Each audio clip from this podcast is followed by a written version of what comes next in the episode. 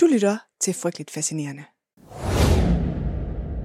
Arbejderne står på toppen af Banqiao-dæmningen i Kina. Og der er en presset stemning.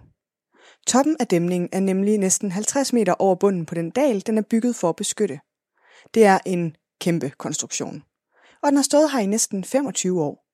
Med hjælp fra sovjetiske ingeniører er dæmningen bygget så solidt, at den kan modstå en tusindårsstorm.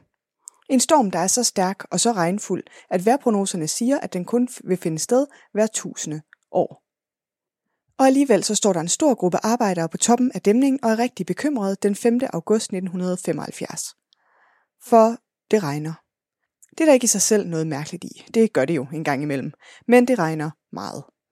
Rigtig meget. Og det har det gjort i flere dage.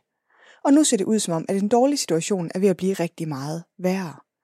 For der er en tyfon på vej. Nina hedder den. Og tyfonen Nina har været et smut forbi Taiwan, hvor den virkelig har skabt store ødelæggelser. Og så havde man egentlig regnet med, at den ville bevæge sig ind over land og spredes og tage af. Men i stedet er den blevet bøjet af nordover og er nået hen til flodbassinet Huai. Og så er den blevet blokeret af en koldfront, så den er ligesom kilet fast. Og det er derfor, at arbejderne på toppen af Banqiao-dæmningen er bekymrede i dag. For tyfonen Nina har givet mere end et års nedbør på 24 timer. Og nu er der altså problemer på dæmningens skjold. Så arbejderne de knokler for at lave de nødvendige reparationer. Tre dage senere, den 8. august, er mere end 65 dæmninger i området kollapset under presset fra de vilde vandmængder. Og selvom vandniveauet ved Bankiao langt overstiger makskapaciteten for sikker drift, og selvom en del af sluserne til at kontrollere vandgennemstrømningen er helt blokeret af aflejringer fra flodbunden, så er man stadig helt sikker på, at dæmningen kommer til at holde. For det er jo solidt sovjetisk design, og den kan holde til en tusindårsstorm, med næsten 300 mm vand i døgnet. Desværre for arbejderne og for sindssygt mange andre mennesker, så er tyfonen Nina en 2000 års storm. Den har så meget kraft og vand med sig, at det fører til det mest dødelige kollaps af infrastruktur i verdenshistorien. Velkommen til det her afsnit af Frygteligt Fascinerende, hvor vi dykker ned i historien om Bankiao-dæmningens kollaps. Frygteligt Fascinerende er en podcast om alt det frygtelige, som alligevel fascinerer os. Her nørder vi helt ned i detaljen i nogle af de mest opsigtsvækkende og uhyggelige fænomener og begivenheder i historien. Velkommen til.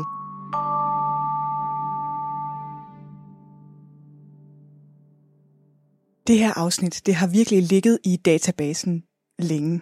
Øhm, jeg var faktisk helt bekymret over kvaliteten af fortidsmejs arbejde, da jeg skulle grave det her øh, frem igen. Øhm, jeg var lige inde og kigge på redigeringshistorikken af det her manuskript, og hvis du allerede nu bare keder dig helt vildt, så fortsætter historien lige om et øjeblik. Men bare lige hurtigt, så kan jeg se, at jeg har oprettet øh, det her manuskript den 13. marts 2021, så helt, helt i starten af min podcast. Det må nærmest have været på min oprindelige liste med idéer til emner. Og så har jeg redigeret det sådan rimelig intens hen over en 14-dages periode i juni 2022, året efter. Så har jeg åbnet det en enkelt gang i januar 2023, og ikke gjort mere ved det, og så here we are. Øh, der er en, der har ønsket det for nyligt, men jeg har glemt hvem. Men altså, skud ud til dig, du ved sikkert selv, hvem du er. Nu er jeg endelig kommet i mål. Og sådan er det altså nogle gange med de her afsnit. De skal lige fermentere lidt, eller meget, før de endelig bliver til noget. Men det gør det så i dag. Historien om Banqiao. Vi starter med at introducere Chen Xing. Og Chen Xing han er en af Kinas førende hydrologer, og han har fulgt konstruktionen af Banqiao siden 1952. Og han har været bekymret helt fra starten. Han er videnskabsmand, og derfor per definition lidt mindre politisk motiveret end mange andre på projektet. Formand Mao, ham kender du måske, han er en rimelig stor kanon i Kommunistpartiet på det her tidspunkt. Han er den, der er den. Og han vil gerne modernisere Kina, og han vil gerne gøre det rigtig, rigtig hurtigt. Så han har sat gang i at få konstrueret hundredvis af dæmninger. Det er ren win-win. Folk kommer i arbejde, det sætter gang i økonomien, de nye dæmninger kan bruges til at producere elektricitet til befolkningen. Og det er altså en ting, der er virkelig godt for Maos planer for, at Kina skal tage et stort spring fremad i sin udvikling. Derfor er han også tilbøjelig til at ignorere advarsler, i det han påbegynder konstruktionen af det, man kalder de tre slugters stemning, som skal blive det største vandreservoir på Yangtze. Og vores ven hydrologen Chen Xing, han er en af mange, der er bekymret for, om Kina bygger for hurtigt og for uforsigtigt. Han er teknisk chefdesigner på konstruktionen af en af Kinas andre store dæmninger, og da han forsøger at føje flere sluser til designet, bliver han stemplet som højreorienteret opportunist og fyret. Måske kan det give dig en fornemmelse af det politiske klima på det her tidspunkt. Fremad, fremad, fremad. Vi skal ikke bede om folk med alle mulige forbehold og deres sluser og deres halløj. Vi skal bede om at blive hurtigt færdige med nogle dæmninger og så komme videre. Så den 8. august 1975 står arbejderne altså her på toppen af Bankiao-dæmningen. De har arbejdet på højtryk i flere dage for at sikre, at den store dæmning kan holde til de helt enormt store vandmasser. Da de pludselig ser noget, der ser underligt ud. Meget underligt faktisk. For selvom det regner kraftigere end nogensinde, så er det som om vandreservoiret falder. Er det ikke? Først ganske lidt, umærkeligt næsten, men så går det stærkt. Vandniveauet falder. Et kort øjeblik er arbejderne hypnotiseret, mens de stiger ud over vandet i mørket. Øjenvidneberetninger beskriver, at nogen gennem mørket råber, at floddragen er kommet, før dæmningen sprænges i tusind stykker fra presset af vandmasserne. 600 milliarder liter vand vælter ud i dalen bag dæmningen. En næsten 7 meter høj bølge skyller hen over landskabet. Og det er svært at forestille sig, hvor meget vand det er, det her. Det er helt absurd meget. Og hvis din landsby ligger i vejen for sådan en kæmpe bølge, så ligger den der altså ikke ret meget længere. En kæmpe, enorm, ubegribelig bølge af vand, drivgods, mudder, brokker, sten, træer og klippestykker. Alt, hvad der ligger på bølgens vej, bliver revet op og revet med. Den skyller hen over landskabet i en syndflod af bibelske proportioner. 12.000 kvadratkilometer bliver oversvømmet af vand fra flodbølgen. Kaoset er totalt. Ni dage efter dæmningen kollapser, der aner man stadig ikke, hvor mange der er døde. Men man estimerer, at der stadig er mere end en million mennesker, der er fanget i vandmasserne, i live, men i livsfarlige situationer. Redningsindsatserne er ikke i nærheden af at være tilstrækkelige. Man forsøger at flyve nødhjælp ind og nedkaste fra fly, men det er en unøjagtig strategi, og mere end halvdelen af den mad og medicin, der er afleveret i området, ender i det mudrede vand, der dækker landmasserne i det kæmpestore område. Man har ikke infrastruktur til at lave en tilstrækkelig redningsindsats, og det kommer til at tage ugevis, før vandstanden falder, så folk kan slippe væk eller genopbygge. Da vandet endelig forsvinder, er det et deprimerende syn, der er tilbage. Opsvulmede lig ligger overalt i landskabet. Byer, veje og natur er ødelagt og forvandlet til et mudret sumplandskab. Der er varmt, og der er fugtigt, og der er virkelig beskidt. Det skaber helt optimale betingelser for udviklingen af sygdommen. De massive ødelæggelser betyder også, at alle områdets ressourcer og infrastruktur er ødelagte, og de ødelagte veje gør det svært at transportere forsyninger mad og medicin og byggematerialer ind til de mange mennesker. Katastrofen er komplet. Og den forsinkes yderligere af det, man kan kalde myndighedernes dobbelte interesser. På den ene side så skal de yde nødhjælp, rydde op, genopbygge, men på den anden side så står de også midt i kulturrevolutionen er ikke så specielt villige til at indrømme fejl eller påtage sig ansvar for noget som helst. Tab ansigt. Så i tiden lige efter og i mange år frem, ligger myndighederne fuldstændigt låg på katastrofen. Det bliver forbudt at fortælle om i medierne, og omfanget af det, der er sket, forbliver derfor et mysterie i årvis. Der er ingen internationale observatører til stede for at undersøge forløbet, så omverdenen aner ikke, hvad det er for en katastrofe, der har ramt Kina. Så da Kinas Ministerium for Ressourcer og Elektricitet endelig, endelig udgiver en undersøgelse af katastrofen og dens omfang, er det mere end 10 år efter dæmningen kollapsede. Og resultatet er mildt sagt tvivlsomt. De estimerer, at mere end 85.000 mennesker dør så godt som øjeblikkeligt, da dæmningen kollapser. Efterfølgende estimerer de, at mere end 200.000 mennesker dør i sygdomsepidemier og sultkriser. Selvom katastrofen formentlig er den mest dødelige af sin slags i verden nogensinde, så er det faktisk ikke noget, der er almen viden i Kina i dag. Da dæmningen kollapser, så har det kommunistiske styre en næsten perfekt kontrol med alle kinesiske medier. Det betyder, at det kun er de ting, som de ønsker, at befolkningen skal vide, der kommer ud. Nærmest alle katastrofer, ulykker og tragedier, der rammer Kina i de år, bliver faret ind under guldtæppet. Det betyder ikke så meget, om det er mest er naturen eller mest er menneskelige fejl, der er årsagen. De skal slet ikke bede om nogen katastrofer i nyhederne, tak. Ikke noget, der kan pege på, at regeringen måske ikke lever op til sit ansvar. Så det er så det. Men i årene siden katastrofen er der alligevel nogle skridt hen imod forandring.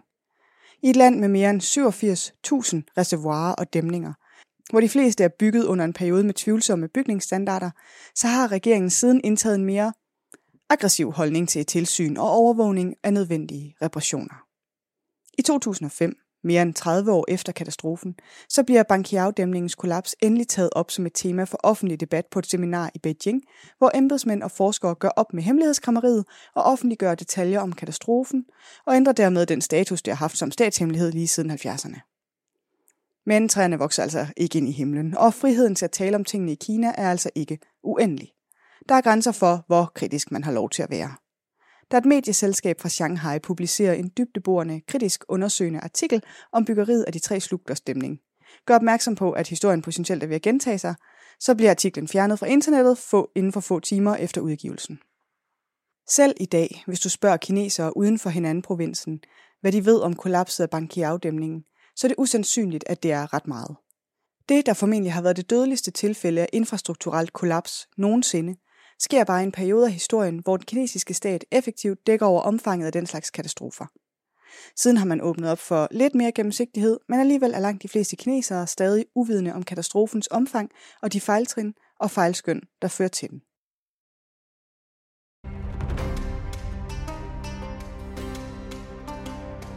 Hej, og beklager afbrydelsen. Men det er fordi, at den her uges afsnit af Frygteligt Fascinerende er sponsoreret af podcasten Lost in Asteria. Lost in Asteria er en Dungeons and Dragons podcast med en spændende historie om en gruppe helte, der er på jagt efter en magisk pind. Det er sjovt, det er eventyrligt, og så har det været min yndlingsform for eskapisme de sidste mange uger.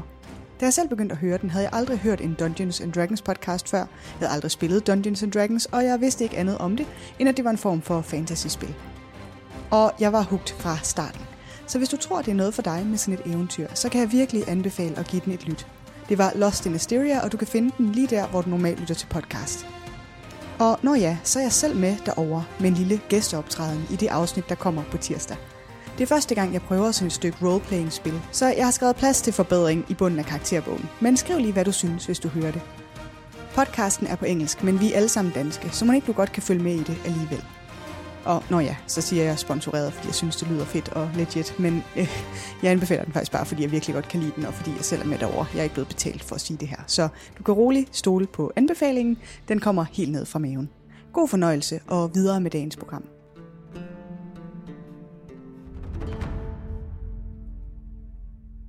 Så mens Kina nu igen begiver sig ud i endnu en bølge af at bygge dæmninger i et stort omfang og på rekordtider, så spiger bekymrende for, at man kommer til at gentage de fejl, der førte til kollapset af Bankiao. Frem mod 2020 arbejdede Kina hen imod at øge sin energiproduktionskapacitet med næsten 50 procent. Og ligesom resten af verden, så har de også fokus på at øge andelen af ikke-fossile kilder til energi fra 9 til 15 procent.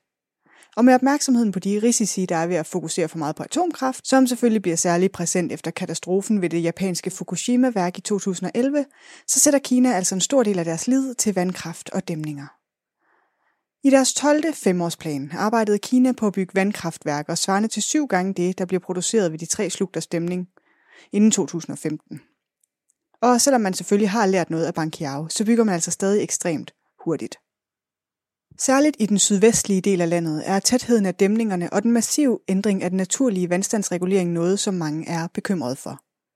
På områdets flodsystemer med Nu, Salween og Langsangs Mekong og Yangtze, så har man på kort tid færdiggjort 32 store dæmninger. Men i de kommende år forventer man, at de bliver efterfulgt af mere end 100 nye. For nylig har statsrådet ophævet et forbud mod store dæmningsprojekter i regionen, som ellers blev indført på grund af miljømæssige bekymringer i 2004. Så happy days for entreprenører og dæmningsbygningsvirksomheder, potentielt knap så meget happy days for alle andre. Og altså, jeg ved også godt, at jeg bare er sådan lidt skeptisk, pessimistisk, pisse bange for ting, der går for hurtigt, og når økonomiske interesser og vækst går forud for sikkerhed. Men jeg er altså ikke den eneste.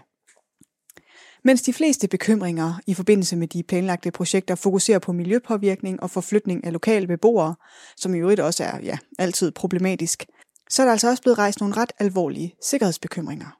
En rapport fra miljøgruppen Probe International, som blev udgivet i 2012, anslår, at af de 130 foreslåede dæmninger, som skal bygges i de kommende år ved de her og andre floder i regionen, er 48,2 procent placeret i områder med høj til meget høj seismisk fare.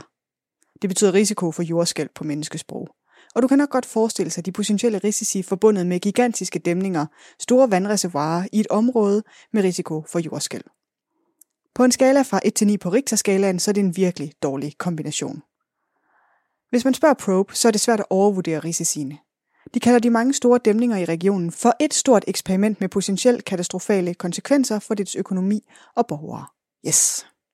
Men jordskæl er kun en af de ting, man kan være bekymret for i et sådan bjergområde med ustabilt terræn. Og beklager på forhånd, hvis du får nervøse tics, hver gang nogen siger jordskred for tiden, for sådan har jeg det også. Men nu kommer der altså lidt mere om jordskred. I 2010, i et område af Gansu-provinsen, der geografisk meget ligner det område, hvor Kina meget aggressivt har bygget dæmninger de sidste 20 år, der bliver de ramt af et jordskred, der dræber næsten 1500 mennesker. En langvarig tørke, efterfulgt af kraftig regn, er de officielle årsager til katastrofen. Men flere eksperter mener, at vejrforholdene kun er en del af forklaringen. Situationen bliver massivt forværret af skovrydning, minedrift og, surprise, omfattende dæmningsbyggeri. Der har fundet sted i årene, der leder op til katastrofen. Det påvirker, hvordan vandstanden i området naturligt reguleres. Og det problem, det kan altså potentielt repliceres alle de steder, hvor man omfattende ommøblerer, hvordan vandstanden reguleres. Så mens myndigheder, embedsmænd og forretningsfolk mest anskuer dæmninger som en ren og effektiv energikilde, en indtægtsmulighed, en vækstdriver, en kilde til beskatning og i nogle tilfælde en mulighed for at fore egne lommer med moneter, der ikke sådan ægte retmæssigt tilkommer en. I årene med dæmningsbyggeboom, der opstår begrebet tofu-konstruktion som slangudtryk. Og en tofu-konstruktion, det betyder simpelthen konstruktioner, der er bygget med dårlige materialer af uuddannede entreprenører som følge af korruption. Ikke noget dårligt begreb, hvis man spørger mig. Lidt ligesom det råd Bakgruppen har lavet i Danmark for øvrigt. Tofu-konstruktioner, hvor der er blandet skidt og møg og rod og nøf i cementen for at få det hele til at strække lidt længere. Og så pokker stå i det, om det har bæreevne og holdbarhed. Bare det er der. Det står Njals tårn som et mindesmærke over i København. Anyway, det skal selvfølgelig ikke lægge Finn bak til last, at de også laver den slags i Kina. Siden 2007 har Kina haft mindst 19 større brokollapser med over 140 dødsfald til følge. I et tilfælde bliver det efterfølgende opdaget, at den sammenstyrtede bro er bygget af en blind entreprenør. Det kan man så bruge til, hvad man vil. Så mens Kinas de tre slugter stemning bliver bygget, der er der næsten 100 rapporterede tilfælde af korruption, bestikkelse og underslæb forbundet med projektet. Og det er de rapporterede tilfælde. Dem, der bliver opdaget. De fleste af dem er relateret til genbosættelsesmidler til beboere, der bliver smidt ud af deres hjem i forbindelse med byggeriet, men mindst 16 tilfælde er direkte relateret til konstruktionen og bygningsarbejdet. Yes, miljøforhold, jordskred, korruption. Og selvom det på alle måder burde være godt med det, så er de relativt nyopførte dæmninger ikke nødvendigvis dem, der bør give størst grund til bekymring. Og det er på trods af hastværk og korruption og tidspres, hvad har vi? For det er landets ældre dæmninger, som eksperter virkelig råber vagt i gevær over. I tusindvis af dæmninger, som er bygget for længe siden, med virkelig mange af dem, der trænger til renovering. Nogle steder estimerer de, at op mod 40.000 dæmninger potentielt er i risiko for brud eller kollaps. I starten af 10'erne bliver der afsat 62 milliarder yuan. Det er helt enormt mange penge til renoveringsarbejdet. Omkring 110 milliarder kroner. Svimlende. Men altså, der er en del, der tyder på, at det ikke rigtigt er nok. Men det er det, der er. Og imens så fortsætter dæmninger med at kollapse. I en rapport fra 2006 estimerede det kinesiske ministerium for vandressourcer, at der gennemsnitligt kollapser 68 primært mindre dæmninger om året i Kina. Så det er et problem, der er sådan rimelig endemisk i hele Kinas energiforsyning. Allerede kort efter færdiggørelsen af Banqiao-dæmningen i 1952 opdager man de første små revner, og så i årene mellem 1955 og 1956 der forstærker man dæmningen efter sovjetisk anvisning. Anvisninger, der vist ikke helt er tilpasset den geologiske kontekst i Kina, og derfor formentlig ikke har haft den effekt, man håber på. Men under alle omstændigheder, så kalder man den efter renoveringen for jerndæmningen. Som en del af, ja, hvad egentlig, en form for branding-kampagne, der skal understrege, hvor god man er til at bygge. Propaganda rettet mod både omverdenen og befolkningen. Men altså, jernbranding eller ej, så kan den altså ikke modstå en 2000 års tyfon med mere end et års nedbør på 24 timer. 106 cm regn på et døgn. En del mere end den øvre grænse på 30 cm om dagen, som dæmningen er designet til at kunne modstå. Men udover det rent konstruktionsmæssige, så er en del af problemet også planen. Beredskabet, da det bliver tydeligt, at der er noget, der er ved at gå galt. For allerede før kollapset, der er området, som ligger beskyttet af Bankiao, plaget af oversvømmelser. Hele området har haft mere regn, end de plejer. Så man har ligesom ikke gjort brug af alle afløbssluser så tidligt, som man kunne. For at skåne baglandet, eller oplandet, området, der normalt er beskyttet af dæmningen. Og som andre ulykker, der sjældent kommer alene, så ryger kommunikationsforbindelserne i området og linjerne til operatørerne på dæmningen, så de står med uvidshed om, hvordan situationen omkring dæmningen udvikler sig. Så da de endelig beslutter sig for at åbne sluserne på makskapacitet, så er det for sent. Og en del af dem er i øvrigt også blevet tilstoppet af drivgods. Kollaps, gigantisk flodbølge, oversvømmelser, kædereaktion af dæmningskollaps videre ned ad floden, men der har vi jo allerede været. Og jeg ved godt, at det ligesom ikke har været et afsnit fuld af håb for fremtiden frem til nu. Men vi er altså alligevel lige også nødt til at runde klimaforandringer. For det er endnu en faktor, der giver grund til bekymring med det her. Jeg har fablet lidt om 1000 års tilfælde og 2000 års tilfælde, men det er altså begreber, man bruger, når man beregner, hvor meget noget skal kunne holde til, hvor højt noget skal bygges. Men med klimaforandringerne, så bliver det altså udfordret lidt. For ja, de her særlige tilfælde, de bliver altså hyppigere og hyppigere. Områder, der allerede er tilbøjelige til at blive oversvømmet, vil sandsynligvis blive det endnu oftere i fremtiden. Ekstreme storme, som infrastrukturen ikke er bygget til, bliver noget, man skal forholde sig til som en mulighed. På plussiden er det selvfølgelig mindre sandsynligt, at en storm i fremtiden også kommer til at ødelægge kommunikationsforbindelser. Der har vi trods alt udviklet os teknologisk siden 1970'erne. Men altså, dæmninger i Kina bliver i dag drevet af forskellige virksomheder. Selv på samme flod kan dæmningsdriften være liciteret ud til flere forskellige aktører. Så manglende kommunikation og koordinering er stadig en reel risiko i tilfælde af en katastrofe. Og mange dæmninger på samme flod øger selvfølgelig også risikoen for uhensigtsmæssige dominoeffekter. En dæmning kollapser, en kraftig flodbølge suser ned ad floden, rammer næste dæmning, som kollapser osv. fremdeles. For at føje til de allerede komplekse problemer, så er der de senere år blevet placeret en del kemisk industri langs floderne. Ja, der skal ikke noget geni til at forestille sig, hvad der sker, hvis kemiske fabrikker bliver oversvømmet. Der er helt sikkert nogen, der ved mere om risikostyring og komplekse systemer end mig, der kan finde alt mulig god grund til bekymring her også. Og selvom sikkerhedsforanstaltningerne selvfølgelig er blevet markant forbedret siden 70'erne, at man nok godt kan tale om en perfect storm af 2000 års begivenheder, maveærerens politiske arrogance, sovjetisk, ja, sovjetisk ikke optimal vejledning, dengang med Bankiao-kollapset. Så på den anden side, så er vilkårene også spidset til. Kompleksiteten af dæmningssystemet, antallet, klimaforandringerne, industri langs floderne. Således opmuntret. Og det var faktisk det for i dag, historien om Bankiao-dæmningens kollaps. Men bare lige før vi slutter, så har I virkelig været søde til at skrive beskeder og stille spørgsmål over på Spotify. Og jeg ser det, og jeg læser det hele. Jeg udgiver dem, jeg kan lide, så andre også kan se dem. Sådan er det på Spotify. Der er man virkelig herre i eget hus som podcaster. Fuld diktatorisk kontrol med kommentarer. Men jeg vil bare lige sige, at jeg ikke kan svare på Spotify. Der er simpelthen ikke nogen mulighed for at svare på kommentarer. Så hvis du har spørgsmål, så er det altså over på Insta eller på mail. Der er links i show notes, men jeg er sikker på, at du også kan google dig frem til at kontakte mig. Jeg vil bare lige sige det, så du ikke tænker, at det er fordi, jeg ikke vil, at jeg ikke har svaret. Det var afsnit 71 af Frygteligt Fascinerende, researchet, skrevet, optaget og redigeret af mig. Jeg hedder Maria. Næste afsnit kommer allerede i næste uge, og du kan høre det i iTunes, Spotify eller der, hvor du normalt lytter til podcast. Du kan følge Frygteligt Fascinerende på Instagram, og gør det endelig, hvis du ikke allerede har gjort det. Hvis du kunne lide det, du hørte, så kan du sende en kop kaffe på Buy Me a Coffee. Tak for nu.